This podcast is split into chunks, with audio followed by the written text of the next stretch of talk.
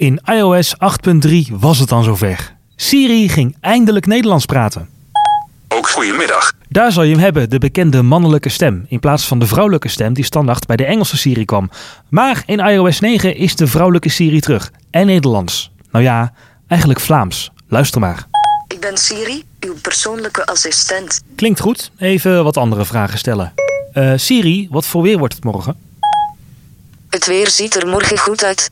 Zonnig en maximaal 22 graden Celsius. Nog eentje dan.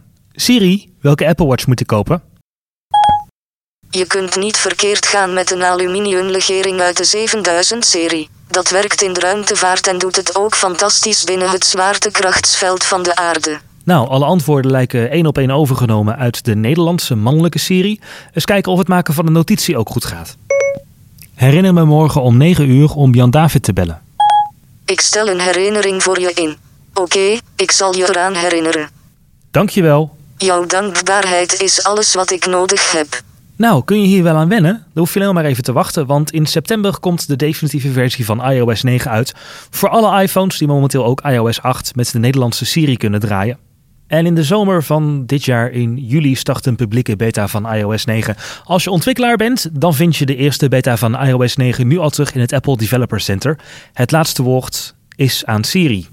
Siri, wil je nog wat zeggen? Ik ben beter met luisteren,